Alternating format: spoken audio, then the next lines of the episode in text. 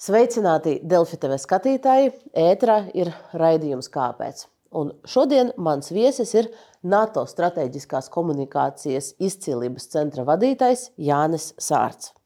Šis gads ir sācies ar arvien jaunām ziņām par Krievijas gaisa uzbrukumiem Ukrainai. Un Volodimirs Zelenskis ir visai pasaulē paziņojis, Krievijas agresiju pret rietumiem var apturēt tikai pilnīga sakava karā. Tikmēr Latvijā mēs spriežam par to, kā stiprināt pašu robežu drošību. Par to un daudz citiem jautājumiem tūlīt arī runāsim.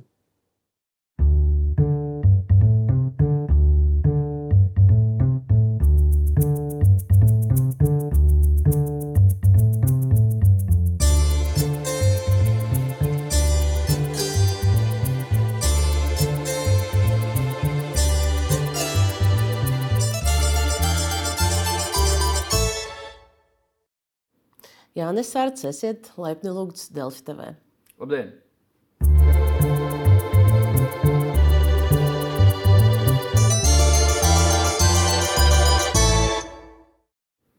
E, Rīgā šobrīd, vakar un šodien tiekas Baltijas valstu aizsardzības ministri. Viņi apspriež NATO, Eiropas Savienības ārējas robežas aizsardzības stiprināšanu. Un, noprotams, ka runās arī par pēdējo dienu, laikam, karstāko jautājumu, kainieku mīnu ideju un ideju izstāties no Otavas konvencijas, mm. kas aizliedz izmantot, glabāt, ražot, importēt, eksportēt tieši nevadāmas kainieku mīnas.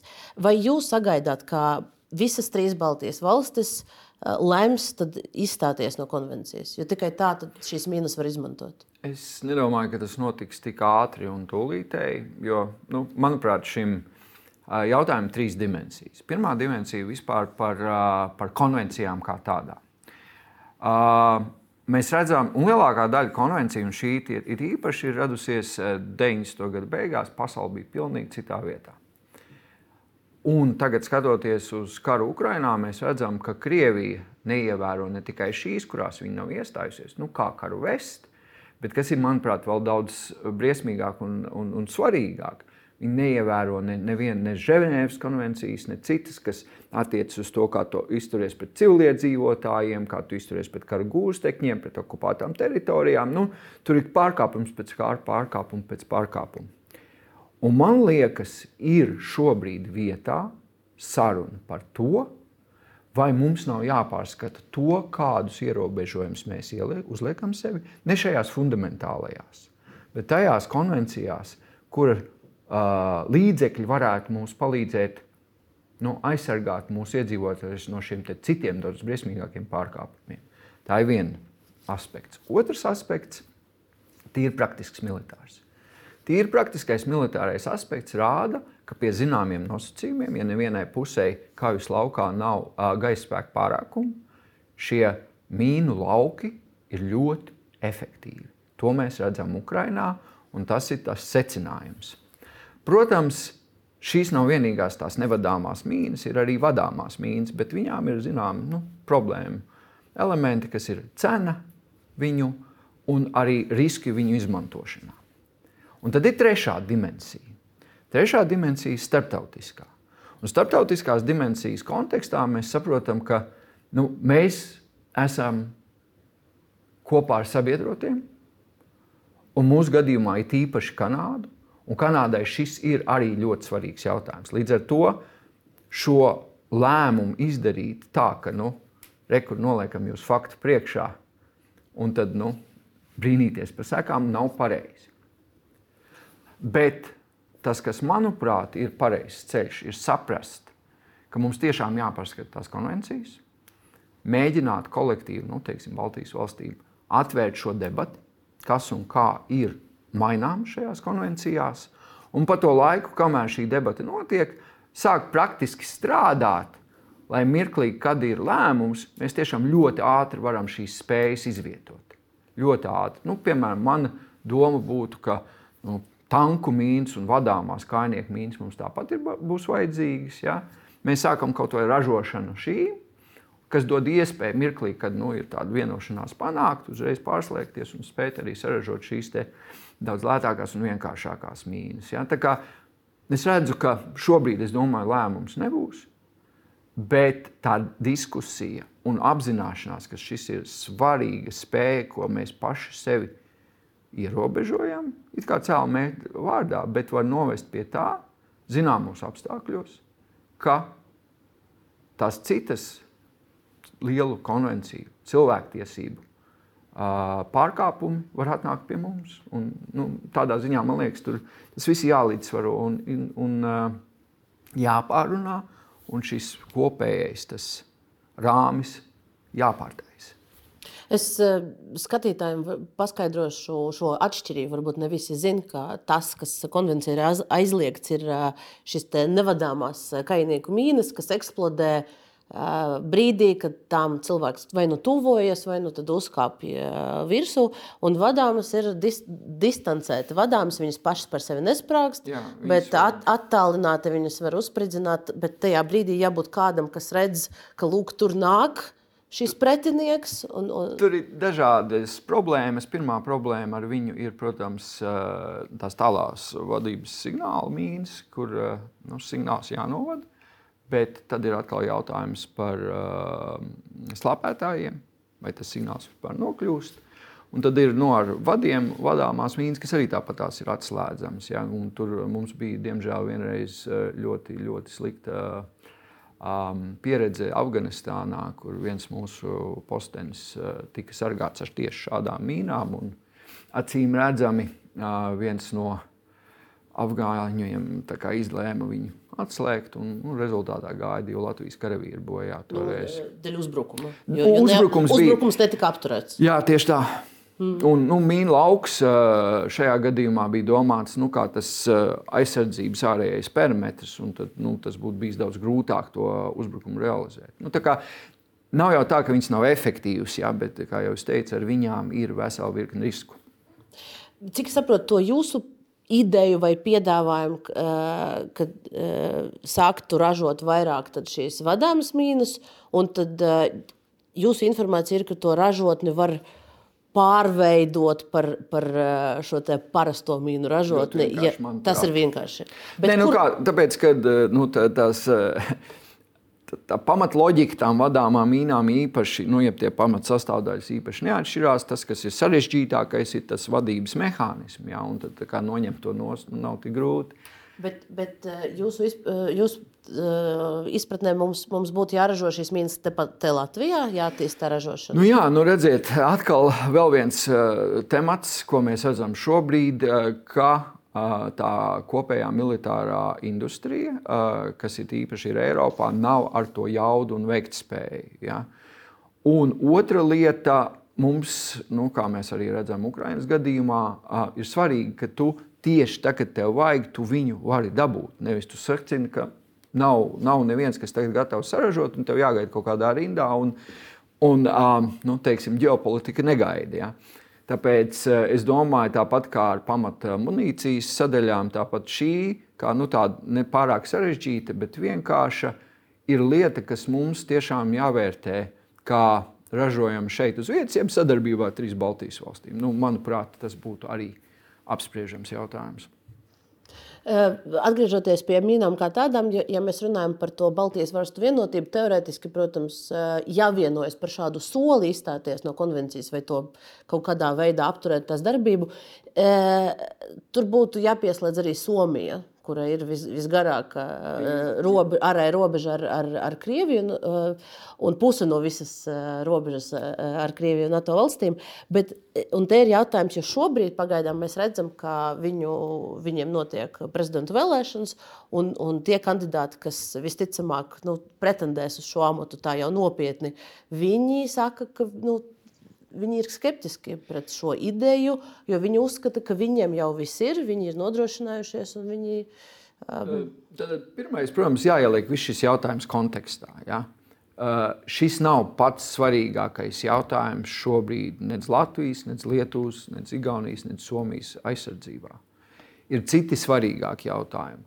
Piemēram, šis viss mīnu jautājums ir aptu, absolūti neaktuāls, ja mums nav labas pretgaisa aizsardzības.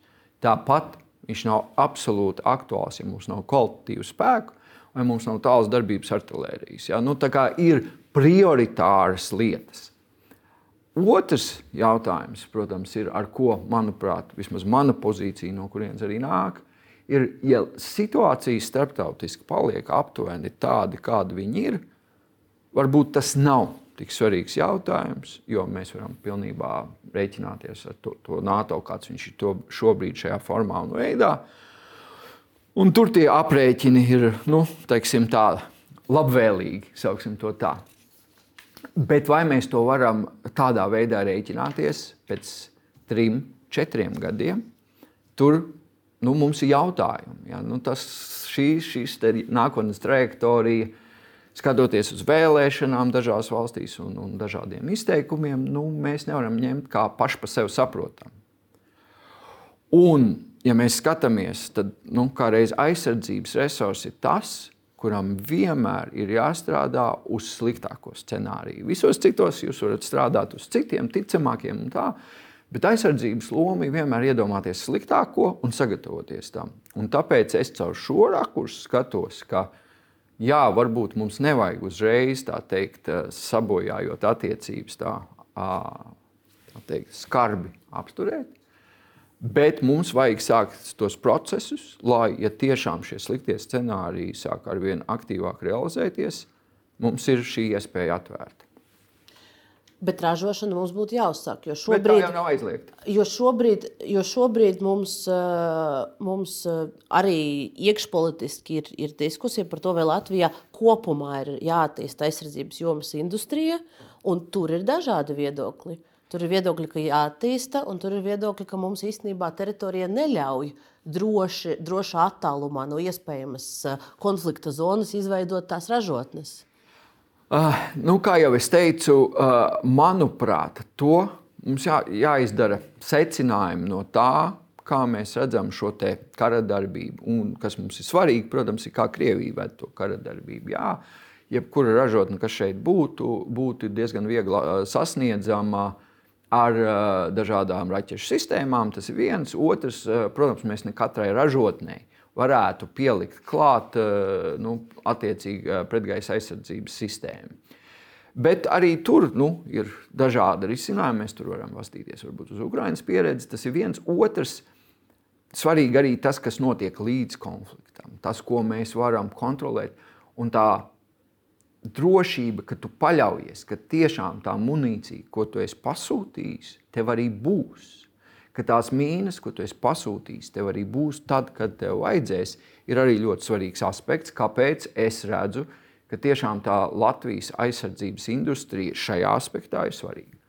Otrs elements, manuprāt, kur savukārt ir vairāk tāda nu, iespēja mums, kara darbībā ienāk ar vien vairāk un vairāk jaunās tehnoloģijas. Ja, to mēs redzam droni, mēs redzam arī dažādu nu, teiksim, jaunu pielietojumu tām datu tehnoloģijām, mākslīgam intelektam un tā tālāk. Un šī ir vēl viena iespēja, jo mēs esam pietiekami tuvu, mēs esam nelieli. Šeit ir jaunas nišas, kurās mēs tiešām varam iet, varbūt arī lielākā tirgu, ne tikai Latvija. Tā tās ir tās divas jomas, kurām, manuprāt, ir jātīsta vietējā ražošana. Ja mēs turpinām runāt par aizsardzību, tad, tad uh, viens svarīgs as, aspekts, protams, ir uh, civila aizsardzība, ir mēdīja, sabiedrības noturība. Un tad pēdējās dienās mēs daudz runājām par mēdīju lomu. Uh, viens bija atgadījums ar sadumojumu Latvijas radiotelpās, kur uh, pēc šīs visu žurnālistu evakuācijas eh, ēterā ilgu laiku nebija paziņojumu. Eh, tad tiek runāts arī par to, ka civilās aizsardzības plānā, kas paredz, kas tad x stundā notiek, īstenībā diezgan mazs mediju skaits ir iekļauts. Eh, jautājums, vai jūs tur saskatāt tādu kopīgu problēmu, ka mēs neesam nu, tā gatavi? Teiksim, ne, nu, tā. Manuprāt, ir divas lietas. Pirmais, uh, var jau papīros visu kaut ko sarakstīt. Un es pieņemu, ka daudz kur tas arī ir izdarīts, bet nu, to, ko jebkurš uh, cilvēks, kurš strādājis ar krīzēm, jums pateiks, ir, kamēr tas ir tikai papīros un nav regulāri šīs te, uh, situācijas izspēlētas, un jebkurš tajās iesaistīts, nu, izgājis cauri reālā dzīvē, fiziski tam cauri.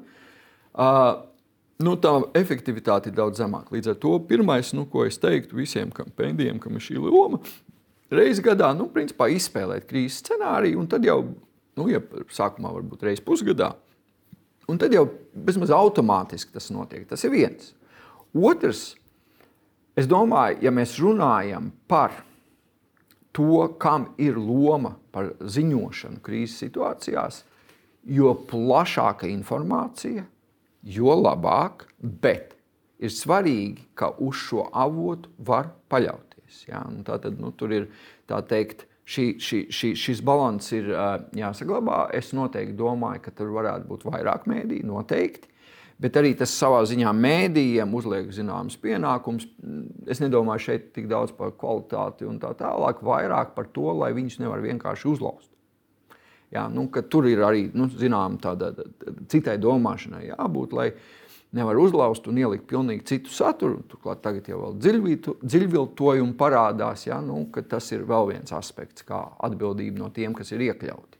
Bet jūs runājat par mācībām, un te, te jūs domājat, katra medija atbildību vai arī valsts atbildību, rīkojot iespējams kaut kādas plašākas? Ne, nu, pirmais, nu, tāda satumojuma gadījumā tur nekādu valsts mācību nevajag. Ja? Tur, tur, tur vienkārši nu, tāda parastā uh, apmācība uz vietas, nu, tieši tā. Nu, kā, Un, piemēram, viena lieta, ko tiešām fiziski mācās, nu, kaut kas notiek, tu ej ārā. Ja? Vienkārši tādās iestādēs kā šī, kaut kas notiek, tev jāizdara A, B un C, un tad tu ej ārā, evakuējies. Ja? Un tā ir, manuprāt, tāda nu, nu, diezgan vienkārša lieta, kur kaut kādas augstākas uh, mācības nevajag.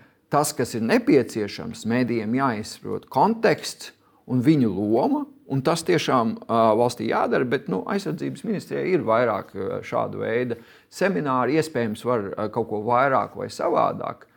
Uh, bet uh, nu, šajā konkrētajā nu, gadījumā, man liekas, tur vairāk bija tāda lokāla problēma. Turpinot runāt par, par komunikāciju, iespējamā apdraudējuma gadījumā un tajā, kā, kā to uh, dažreiz devā par x, x stundu.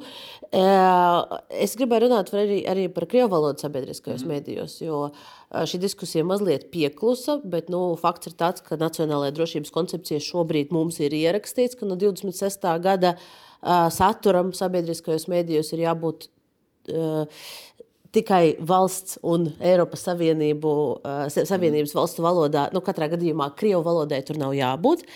Un, e, nu, vai jūsuprāt, ir šis jārealizē, jo mums ir, e, ja šīs iestāsies, ja likums tiks pieņemts šāds, tad ir divi gadi tam ir jāgatavojas.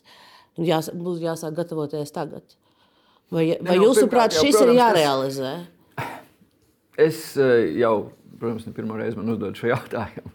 Un uh, kopumā pret šo valodas jautājumu es nu, ar tādu, nu, tādu, kā lai to nosaukt, nosauc uh, diezgan relaksēti uh, pieeja, jo es paredzu, kā pietiekami drīz, varbūt nav iespējams iedot precīzi laikrām, reālā laikā nu, to saturu varēs to, nu, laist nu, jebkurā izvēlētā valodā dēļ mākslīgā intelekta. Ja? Un tas, protams, arī nozīmē to, ka gan latviešu, gan krievu valodās varēs vēstīt tie, kas nu, pirms tam nekad nebūtu ieguldījuši. Ja? Tas arī šo pamaina kā loģika. Bet arī mums tas nozīmēs, tas nav šobrīd, bet pie tā mākslīgā intelekta attīstības, kādas viņi redz tagad, es domāju, tā spēja būs pietiekami tuvu. Tas ir viena daļa. Uh, otra daļa, protams, ka uh, krīzes situācijā pamat ideja ir, ka jebkurš valsts iedzīvotājs uzzina, kas notiek un kā notiek. Un tāpēc, protams, ir loģiski arī, ka šajā visā tiek eh, iesaistīti arī eh, komercmediji, kuriem tad ir joprojām šī krievu valoda auditorija, kur viņi tādā veidā arī uztur. Bet atgriežoties pie, pie šī 26. gada jūsu piedāvātais, eh, piedāvātais um, modelis, nu, divos gados diez vai mēs sasniegsim šo līmeni uh, un šo tehnoloģiju, ko jūs aprakstījāt. Tehnoloģiski varbūt tas būs iespējams. Jautājums, vai mēs būsim attīstījušies un investējuši tajā, lai tas tādā veidā būtu. Uh, nē, nu, fundamentāli, diemžēl, un šeit es jāsaka tā, uh, diemžēl. Krievija valodu ar vien vairāk un vairāk mēģina pārvest pa vienu no saviem ieročiem. Un, ja citos apstākļos varbūt es gluži nebūtu tādos, uh, tādos uh, novērtējumos, bet šobrīd es neuzskatu, ka tas būtu nepareizi, ka valsts apmaksāti mēdīji paliek tikai latviešu valodā. Ar piebildu to, ka nu jā, ar laiku varēs diezgan viegli slēgt to, un tas ir tāds. Nu, bet, ja tā es nu, izēju cauri visiem maniem iekšējiem argumentiem par šiem te. Un man, manuprāt, tas visvairāk noslēdz, ka tā valoda, un tas nav tikai pie mums, tas ir citur. Arī Ukrainā mēs redzam tieši to pašu tendenci. Valoda tiek nu, mērķiecīgi mēģināta izmantot kā rīks priekš ieroča, nu, tā kognitīvā, jeb saprāta ietekmējošā ieroča. Un tāpēc tur ir zināma loģika. Bet jums ir mainījies viedoklis, jo, Jā. jo martā jūs teicāt, ka šādi ierobežojumi, nu, domājot šo, šo valodas izņemšanu no, no sabiedriskajiem mēdījiem, pārskatāmā nākotnē neļaus sasniegt iecerēto mērķi. Panākt, ka visi iedzīvotāji Latvijā patērē objektīvu informāciju, to starp krieviski. Šajā daļā es šo, šo, viņi šo mērķi nesasniegs, protams. Bet, jūs, jūs, bet, bet jūs, jums viedoklis ir mainījies. Jūs jā, jā man ir nianses, ka ir jāpatur. Man, teiksim tā, es esmu attīstījis savu viedokli šajā ziņā. Pirmkārt, kā jau es teicu, pie tā es palieku. Šis vai jebkurš cits līdzeklis, nu, tas nenozīmēs, ka cilvēki pēkšņi sāks patērēt objektīvu informāciju. Tur ir pilnīgi citi mehānismi, iedarbināti, nevis valoda, kas nu, palīdz vai nepalīdz to izdarīt. Tas ir pirmais. Otrais, nu, kā jau es teicu, mēs redzam šo valodas vektoru arvien vairāk. Nu, ne tikai izmantot, viņš jau bija izmantots arī pirms tam, bet arī nu, tā, tā uzlabot šo metodoloģiju. Mēs redzam, tas ir otrs. Un trešais, komercmediji jau paliek. Ja, nu, ja nebūtu pilnīgi komercmediji, mm, tas laikam tur gan es nepiekristu.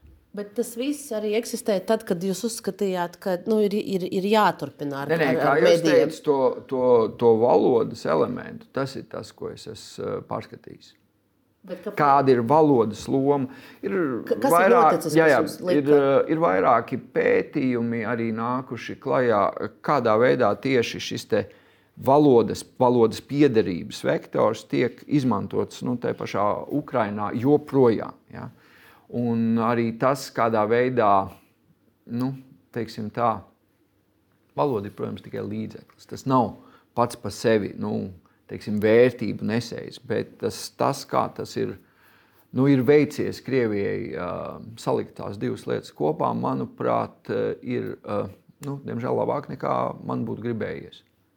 Bet valodas piedarība jau, jau laikam cilvēkiem uh, nemainīsies. Ne, ne, nemainīsies un, protams. un vai te nesanāk, ka mēs atdodam to ieroci uh, Krievijai, nevis mēģinam to pagriezt pret Krieviju? Jā, jautājums ir, vai tas ir mūsu uzdevums. Jā. Tāpēc es savukārt arī esmu no tiem, kas uzskata, ka mums jāatbalsta tie uh, Krievijas mēdīji, kas ir uh, teikt, aizgājuši uh, no Krievijas lai viņi varētu joprojām šo lomu pildīt.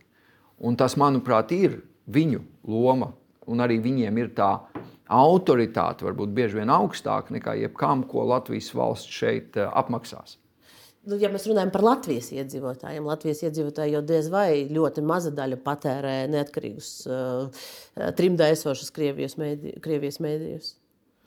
Nu, tieši tāpatās, kā jāsaka, izņemot eh, Latvijas Rādio 4, kas tiešām ir augstu patērēts, bet nu, citi apmaksātie saturi, nu, valsts apmaksātie saturi bija, bija diezgan maz. Jā, bet nu, tieši to LR4 arī, arī ir piedāvājums no 26. gada uh, to krievu valodu tur izņemt. Tāpēc tas ir jautājums par to efektivitāti. E, nu, es vēlreiz atgriežos pie tā, es neesmu drošs, ka 26. gadā.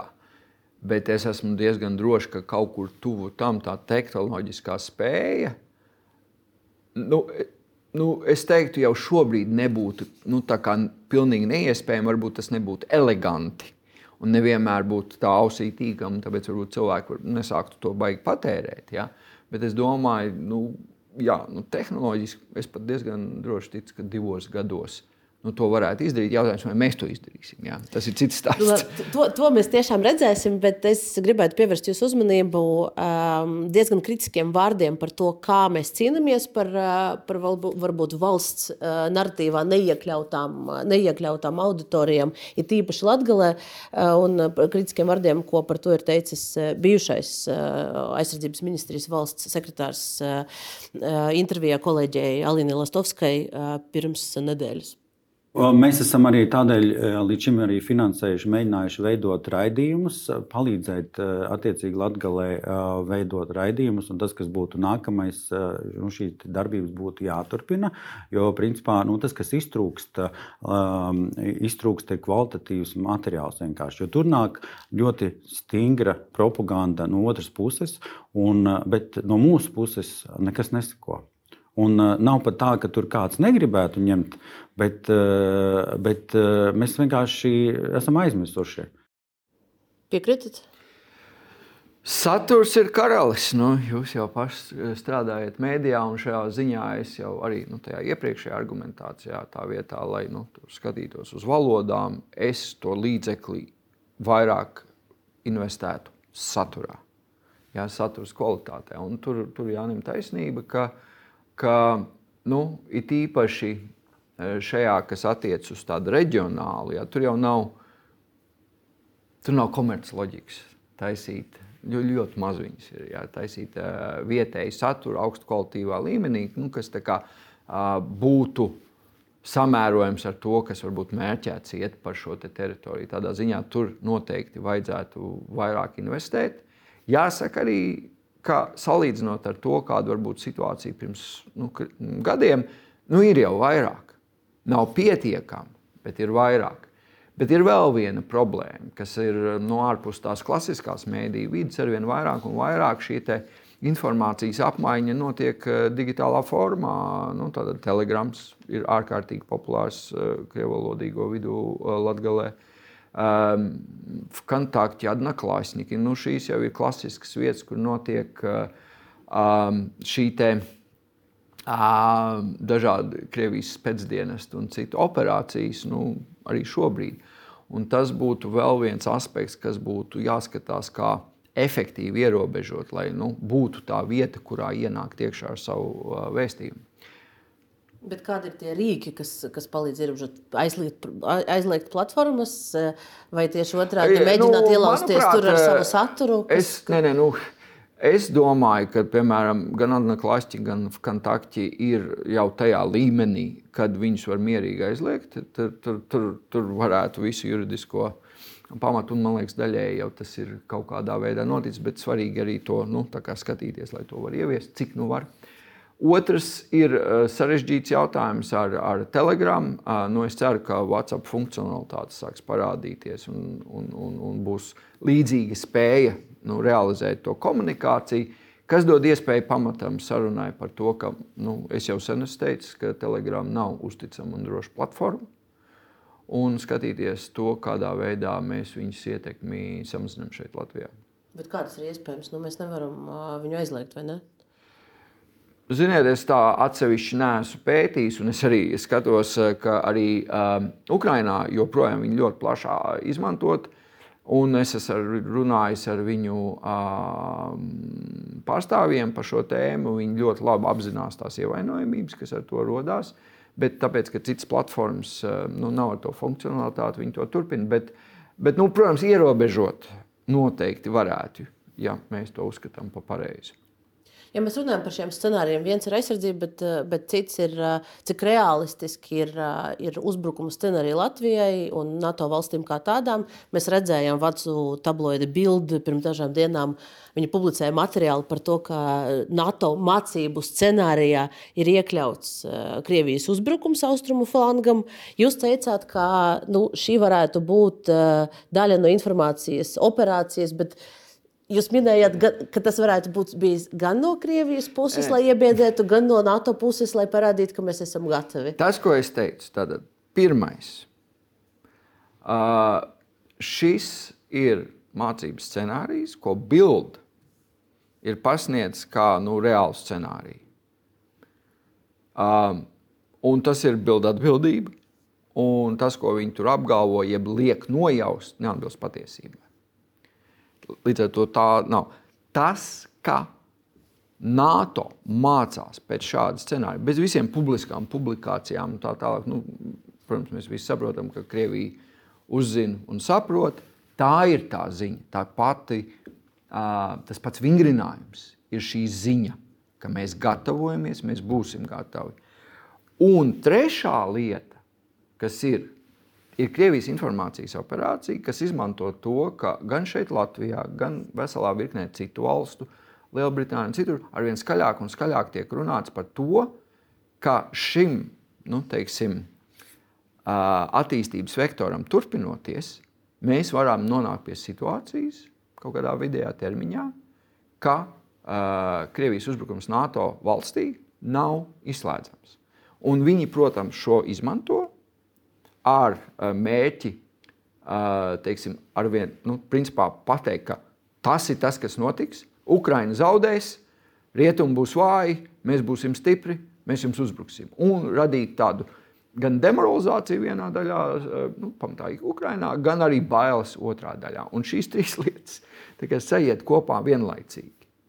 Nu jā, tad laikam jautājums ir, kā domāt par šo konfliktu un šo nākotni, uh, vienlaikus uh, uzklausot Ukrainu un uh, Valdimiru Zelenski, kurš saka, mums Ukraina ir jāuzvar, lai Krievija neietu tālāk. Kā, kā mēs varam konceptualizēt visu šo stāstu? ticot, ticot abām šīm lietām? Uh, nu, tad, pirmkārt, mēs redzam, ka kopumā pasaule kļūst arvien nestabilāka. Ja? Tas ir nu, tāds kopējs novērojums. Karš Ukrainā nav vienīgais, ir tuvie austrumi, ir saspīlējums, tur veselā virknē vietu Āfrikā. Ir eh, nu, Taivāna. Tagad būs droši vien ar vien karstāks jautājums. Nu, tāda, nu, tā ir tā kopējā tendence, par to droši vien varam parunāt arī vēlāk. Bet mums specifiski ir taisnība. Ja uh, ir trīs faktori. Pirmais ir Ukraiņas karš. Ukraiņas karam beidzoties, nu, teiksim, nevis ar uz, Ukraiņas uzvaru, bet pieņemsim kaut kādu pamieru, jeb kaut kādu Minskas tā teikt, reinkarnāciju, bet daudz sliktākos apstākļos. Eh, tas nozīmē, ka Krievija tajā veidā un formā, kāda viņa pārveidojusies, es neticu, ka viņi spēs pārmainīties atpakaļ, ka viņi varēs pagriezties prom gan no tās retorikas, gan no tās ekonomikas, gan no tās varas loģikas, kāda tagad ir izveidojusies šajos divos gados. Un tur tie riski nu, teiksim, varētu pieaugt. Trešais faktors, un viss šis nebūtu tik būtisks, ja mēs redzētu, ka NATO paliek tāds, kāds viņš ir. Militārs spējīgs, ar augstām spējām. Nu, pat šajā scenārijā Krievijai nebūtu īpaši daudz variantu, un mums pat nebūtu jēga runāt par tām pašām uh, kājnieku mīnām. Bet mēs redzam, mums ir virkne politisku procesu ar lielajām jautājumu zīmēm. Tā izskaitā ASV, manuprāt, nu, mums jāpieņem, ka uh, Trumps varētu vinēt vēl vienu termiņu. Un uh, nu, ar visu to tiesvedību, kas viņam ir, visu to, kas tur notiek, nu, tur ir daudz jautājumu. Kāda būs tā tālākā attīstība, tālākie nu, teiksim, ASV gatavības un tā tālāk.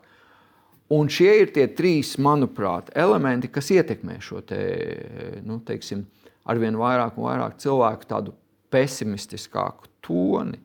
Bet Ukrainai uzvarot, mēs saprotam, ka pat pie citu scenāriju kaut kādas realizācijas, nu, tie mūsu riski samazināsies. Tas ir pirmais punkts. Es gribēju par Trumpu paturpināt, jo uh, The Atlantic uh, nesen ļoti cienījamā starptautiskā žurnāliste un vēsturniece Anna Applebauma ir uh, apgalvojusi, ka nu, ja Donalds Trumps nāks pie varas, tad šis NATO atturēšanas spējas viņš var apdraudēt pat ar saviem izteikumiem kā tādiem, jo pat pasakot, kā ASV prezidents, ka lūk, mēs jūs neaizstāvēsim, mēs izstāsimies, kas nav nemaz tik viegli iekšpolitiski ASV, bet pat paziņojot, viņš var sagraut šo, nu, šīs bailes no, no NATO atturēšanas spējām. Un un pat tās, to baiļu sagraušana jau ir apdraudējums pats par sevi.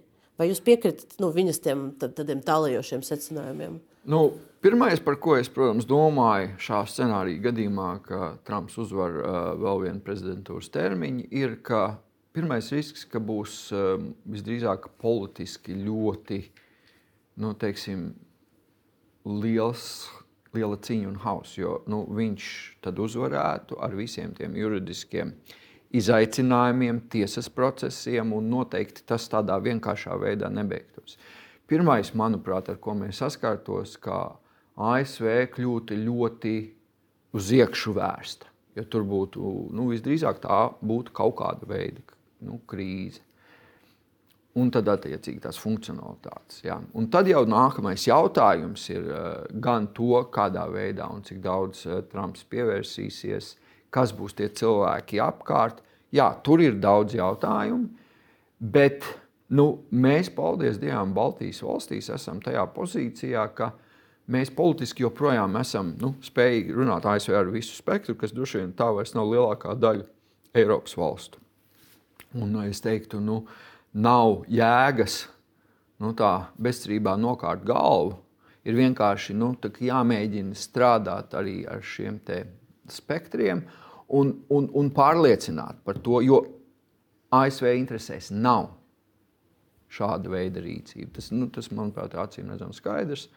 Un līdz ar to es negribētu, ka mēs tādu kaut kādā, es neatceros, kurš novembris tur nākamā dienā. Tur. Bet mēs vienkārši saprotam, ka mums daudz vairāk jāstrādā. Bet tā pati viņa eksplozīvā personība, mēs zinām, ka šie paziņojumi tur birst kā no pārpilnības raga, un tie ir ļoti bieži vien satraucoši. Tas pats par sevi ir, ir uh, riska moments. Jā, jā protams. Nu, atturēšanās tas jau ir tāds mentāls koncepts. Ja? Un ļoti grūti uztverams koncepts reizēm, lai saprastu, kurā mirklī viņi nostrādā, kur nē. Un, protams, šāda veida paziņojumi nu, visticamāk, ja, nu, mēs atkal ļoti spekulējam jomā, kurā līdz galam izmērīt nevar. Un cerams, mums nevajadzēs to mērīt. Ja? Nu, mēs nezinām, bet tas, ka nu, tas iekšpolitiskais situācija noteikti radīs neskaidrību, un es pat nezinu, kādu dinamiku. Ja? Nu, tas ir laikam tā, nu, ja tas tā notiks, tas varētu būt diezgan ticams scenārijs. Jo tagad mēs uz ekrāniem redzam vienu starptautiskā mediju politiku rakstu, arī, kur atsaucoties uz Eiropas Savienības komisāra no Francijas Bretona kunga atmiņām par 20. gadu. Uh, tur ir stāstīts, ka lūk, šis Bretons pub publiskajā pasākumā ir atstāstījis 20. gada sarunu, kas ir bijusi starp Trumpu un Eiropas komisijas prezidentu.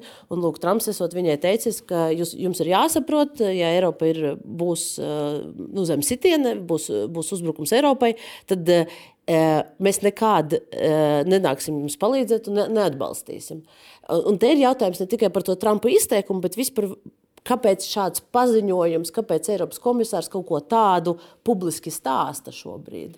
Vai tā ir arī daļa no kaut kādas strateģiskās es, komunikācijas? Es, es, es, mans pieļāvums ir, jo tiešām nu, tā labais tonis ir tas, kas aiz slēgtām durvīm, eh, nu, paliek aiz slēgtām durvīm, un it īpaši ar tādu kā prezidents Trumps, kā jūs pati teicāt, viņš ir ļoti viegli nāk ar uh, lieliem paziņojumiem, varbūt pēc divām dienām teiks pilnīgi ko citu, nu, it īpaši. Es pieņemu, ka tas saistīts ar to, ka uh, it īpaši Francijā nu, sāk domāt, kā vajadzētu rīkoties Trumpa uzvaras gadījumā. Un viens visdrīzāk no ceļiem, ko viņi mēģinās, kā jau tas bija iepriekšējā piegājienā, daudz vairāk likt uzsvaru uz Eiropas autonomiju un Eiropas militāro attīstību, kuru es piekristu militārai attīstībai, jo Eiropas militārās spējas, rūpniecisks un cits būtu noteikti mūsu interesēs. Bet nu, sašķelšanās starp ASV un Eiropu, protams, būtu visai pasaulē, un mums ir īpaši ļoti slikts ziņas. Nu, tad, tad tas bija tāds mēģinājums eh, pamodināt Eiropu, lai, lai mēs kāpinātu tās spējas. Bet, ja mēs runājam mazliet pie cita temata, bet, eh, protams, kas saistīta, eh, ja mēs ejam pie Krievijas agresīvām darbībām pret Baltijas valstīm, kas notiek šobrīd, tad nu, pēdējās dienās, laikam, viens no apspriestākiem jautājumiem ir Igaunijas drošības dienestu aizturēšana. Tārta universitātes mm. profesors Večslavs Morozovs. Viņu tur aizdomas par spiegošanu Krievijas labā. Jā. Eh, un, un tas ir ļoti interesanti, jo pirmās reakcijas, ko mēs dzirdējām eh, gan Igaunijā, gan arī eh, kaut kādas Latvijas medijos, ir bijušas ziņas par to, ka viņš taču vienmēr ir bijis Putina režīma pretinieks. Kā tad tā, un tāds kopējs pārsteigums. Jā. Nē, nu, man pārsteigums par pārsteigumu. jo, nu, Manuprāt, laikam mēs tādā publiskā diskursā parasti runājam par tiem cilvēkiem, ko mēs saucam par ietekmes aģentiem. Ja? Un viņi nevienmēr ir tieši saistīti ar uh, Krievijas spēcdienestiem, varbūt ļoti attālināti, bet patiesi aģenti ir krietni savādāki. Viņi ir pirmkārt vērtīgāki, jo viņi nav pamanāmi. Otrkārt, viņi noteikti sevi nenodod caur tādām publikācijām un tā tālāk. Un Nebūtu nav izslēgts, kā šajā gadījumā, ka viņš patiešām arī ir pēc būtības Putina pretinieks. Bet Krievijas spēcdienesti māca piespiest pat tādu sadarboties. Nu, ar to mums visiem jārēķinās. Ir arī citi stāsti no Igaunijas, kur pēc tam tie spiegi pēc tam stāsta, kas notika. Tieši tā, cilvēkam var būt pilnīgi cita pārliecība. Viņi atrod vienkārši metodi, kā piespiest sadarboties. Es pieņemu, ka ticami tas būs tas scenārijs, ko mēs dzirdēsim arī šeit. Nu, tur tiek spekulēts, ka viņa vecāki dzīvo Krievijā. Jā, Iespējams, jā. tas ir. Nu, tā tas ir. Ceļošana uz Krieviju, ģimenes locekļi Krievijā ir paaugstināti riski. Iga, es papētīju, ko Igaunijas mediji, cik svarēja, ko viņi vispār raksta par šo gadījumu. Un tur ir diezgan interesants postimais raksts bija par to, ka īstenībā Morozovs bija ļoti integrēts Igaunijas šajā ārpolitiskajā, ārpolitiskajās aprindās. Viņš ir sadarbojies ar ārlietu ministriju, ārlietu ministriju viņš ir veidojis pēc tās pasūtījuma pētījumus, viņš ir ārlietu ministrijas darbiniekiem vadījis kursus par to, kā saprast Krieviju.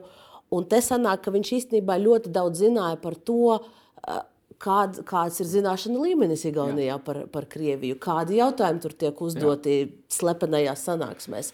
Un cik, cik viņš, nu, tas viņa nodarītais kaitējums NATO varētu būt diezgan liels, vai ne? ne nu, salīdzinoši, protams, ir bijuši nu, publiski Igaunijā noķerti citi cilvēki, kur nu, kārtām lielāks tas, jo ir cilvēki tiešām tiekuši pie NATO noslēpumiem. Uh, Um, šajā gadījumā viņš noteikti bija vērtīgs aģents, jo šāda veida informācija arī joprojām ir liederīga un vērtīga, it īpaši ar šādu nu, teiksim, tīklojumu.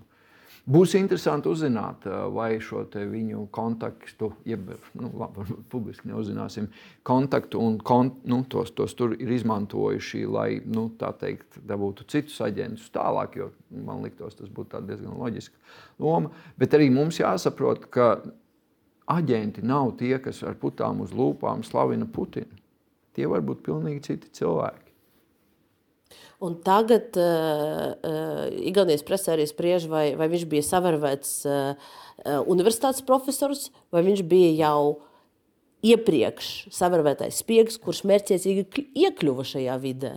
Pirmkārt, nav pilnīgi nekas jauns, ka šī te, uh, universitātes vide ir ļoti, ļoti nu, aktīvs rekrutēšanas lauks. Un tad ir divas, uh, divas metodoloģijas. Vai nu rekrutē talantu, vai jau cilvēku, kurš jau nonāca kaut kādā pozīcijā, un tad uh, piespiež sadarboties. Es nemāku komentēt šo gadījumu, bet nu, ir tie slavenie no augstā kara, tie Kembridžas piecinieks, jā, nu, arī, uh, arī ļoti atpazīti cilvēki, kas beigās izrādījās bija Kriev, uh, Padomju Savienības atvainojos, spiegi augstā kara laikā.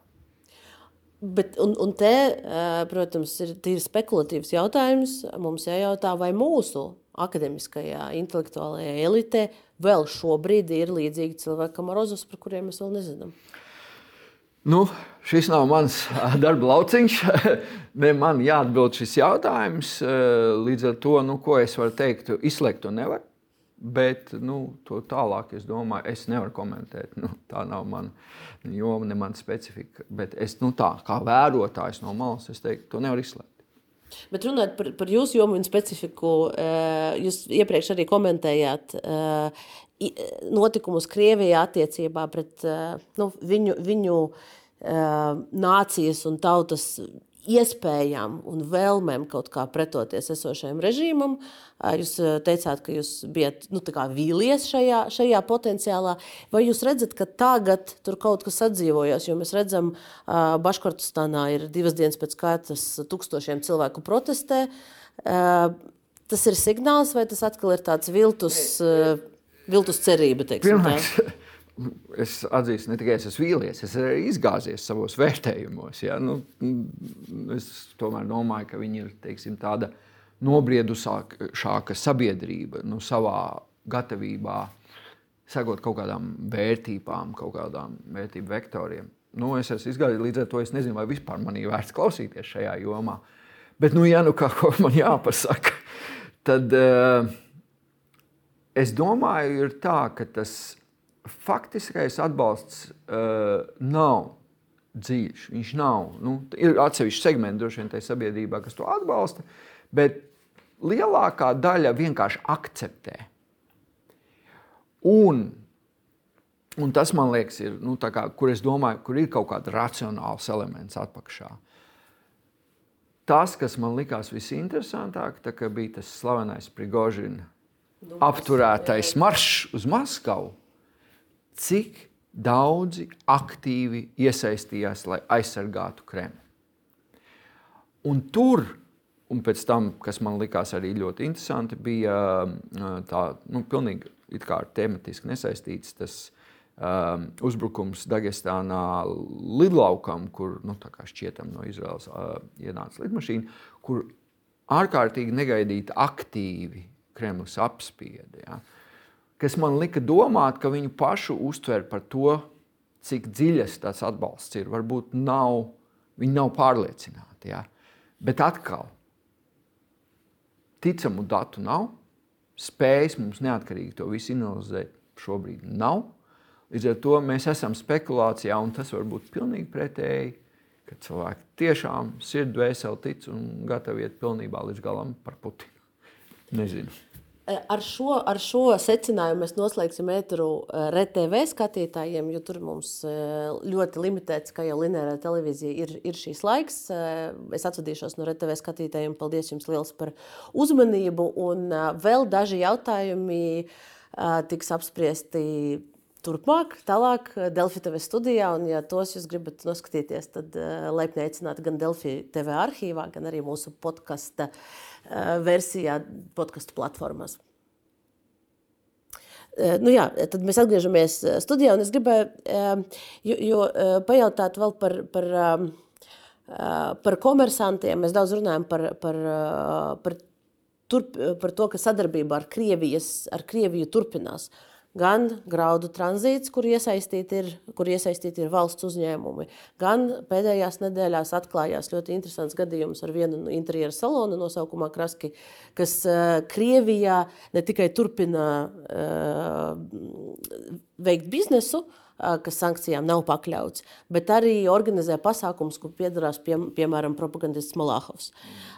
Un te ir jautājums, nu, uh, gan viens, gan otrs, cik riskanti tas ir. Vai, vai tur mēs atveram sevi nu, kaut, kaut kādiem, kaut kādām arī, arī strateģiskas komunikācijas tiem. Es nedomāju, nu kā nu, strateģiska komunikācija. Protams, ja atklāsies kādi aktīvi šeit uz vietas funkcionējošas sistēmas, kas nu, veicina šo sankciju apiešanu un to noķers no ārpuses, nevis šeit mēs uz vietas, nu, tas, būs, eh, tas būtu liels strateģiskās komunikācijas problēma eh, Latvijai kā tādai. Šajā gadījumā tas, manuprāt, ir tāds pragmatisks, bet arī vērtību jautājums. Ja? Jo nu, mums skaidri jāsaprot, ka ja vien varētu Kremlis būtu gatavs kādiem iespējamiem līdzekļiem nepieciešams pārņemt Latviju savā kontrolē. Ja vien tas būtu iespējams. Es domāju, ka šobrīd nu, nevajadzētu būt šaubu par to. Un tad tikai jautājums ir, nu, kas ir vieglākais un ērtākais ceļš. Un šajos apstākļos sadarboties ar viņiem, savā ziņā arī veicināt viņu spēju realizēt biznesus, tie kādus. Manuprāt, šeit vietā ir tas slavenais teiciens, kur autors ir nezināms, Ļeņģins Trotskis, ka kapitālists tev pārdos virvi, uz kuru tu viņu pēc tam pakārsi. Un tas, manuprāt, reizēm viņš man pēdējā laikā šis teiciens ļoti nāk atmiņā, ne tikai saistībā ar Latviju, bet ar daudzām citām rietumu valstīm. Un tagad par citu, par citu nerietumu valsti, kas, kas, eh, kas pēdējās dienās ir, eh, ir nokļuvusi arī ziņu virsrakstos. Ehm, Saimnes deputātu grupa ir devusies eh, Ķīnas apmaksātā vizītē uz, uz šo valsti. Oficiāli šis nav pieteikts kā komandējums, tātad šis nav saskaņots ar Latvijas ārpolitikas kursu, ar ārlietu ministriju. Mēs varam apskatīties, tur vadītājs šim visam pasākumam ir Ainārs Lesers, un mēs, ja mēs apskatāmies viņa sociālos tīklus, tad nu, tur ir Ķīnas vilcieni labāki par mūsu. Šanhajas tirgu ir skaisti, ķīniešu robots saliek kubiku, rubiku, trīs sekundes un tā tālāk. Jūs saskatāt uh, riskus šajā pasākumā? Nu, Pirmkārt, nu, mēs redzam, Ķīnai ir sava uh, strateģiskās komunikācijas uh, stratēģija, kuru viņi ir uh, nu, pēdējā laikā mainījuši. Vienu brīdi viņi bija aizgājuši tā saucamā uh, uh, vilku kaujinieku, Wolf Warrior, ka nu, tur ļoti agresīva bija tā komunikācija, kas, manuprāt, pilnībā izgāzās Eiropā. Un tagad viņi atpakaļ mēģina tādu šarmu ofensīvu realizēt. Un es domāju, šis viss ļoti nu, iekļaujās šajā te, um, šarma ofensīvā. Nu, mēs redzam, ka viņi ir uh, nopirkuši, ja, nu, samaksājuši par uh, šo te, uh, ceļojumu. Un, attiecīgi, tie, tie deputāti nu, diezgan nu, paši saviem vārdiem, diezgan spēcīgi uh, rezonē tos tipiskos Ķīnas narratīvus, kas paši pēc sevis nav draudīgi. Ja? Bet, protams, jāsaprot, ka tas ir Ķīnas komunistiskās partijas uzstādījums, kur nu, šobrīd apzināti vai neapzināti nu, realizē šie uh, cilvēki, kas aizbraukuši šajā apmaksātajā braucienā. Es varbūt vienu video parādīšu, kas, kas man īpaši piesaistīja uzmanību, kas no šī brauciena ir, ir sociālajos tīklos. Braucu Ķīnas vilcienā ar ātrumu 300 km/h. 302, 303. Nu ko? Ķīnieši rulē. Kāpēc Latvijai vajadzēja Škodovā gonka nopirkt? Varbūt kāds var atbildēt. Tāda ir realitāte.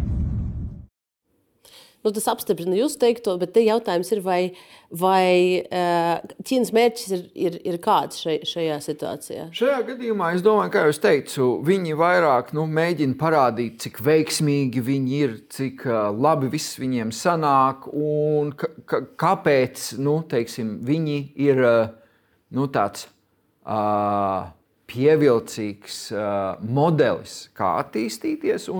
Tas nav tikai Latvijai. Viņi, viņi šo realizē ļoti daudzās vietās, un jāsaka, savā reģionā daudz, daudz aktīvāk nekā šeit. Nu, tas ir. Nu, vai tas grauj Latvijas drošību? Patiešām droši vien nē, tas veicina Ķīnas interesi. Ja? Daudz uh, nopietnāks jautājums ir par um, Ķīnas uh, mēģinājumu iegūt to strateģisko infrastruktūru savā īpašumā. Tas gan ir manuprāt, ir saistāms ar uh, nacionālo uh, interesu jautājumu un nacionālās drošības jautājumu no mūsu puses. Un šīs, šīs brauciens... Nē, nu, šeit jau viņš tikai brauciens, te jau redzēsim, kas būs pēc tam. Bet, nu, piemēram, gan, at, gan Grieķijā, gan, gan, gan Vācijā, manuprāt, un manuprāt, ļoti liela daļa drošības ekspertu viedoklī, principā atdot ostu pilnā Ķīnas pārvaldībā ir ārkārtīgi liela drošības kļūda. Nu, par Ķīnu mēs noteikti vēl runāsim citos kontekstos, jo šis ir atsevišķs liels temats un redzēsim, kā šis stāsts attīstīsies. Uh, tikmēr mūsu laiks arī Delfi TV studijā tuvojas beigām. Paldies jums par sarunu, paldies par interviju, paldies par skatītājiem, kas ar mums šo stundu ir bijuši kopā, un tad uh, tiekamies pēc nedēļas.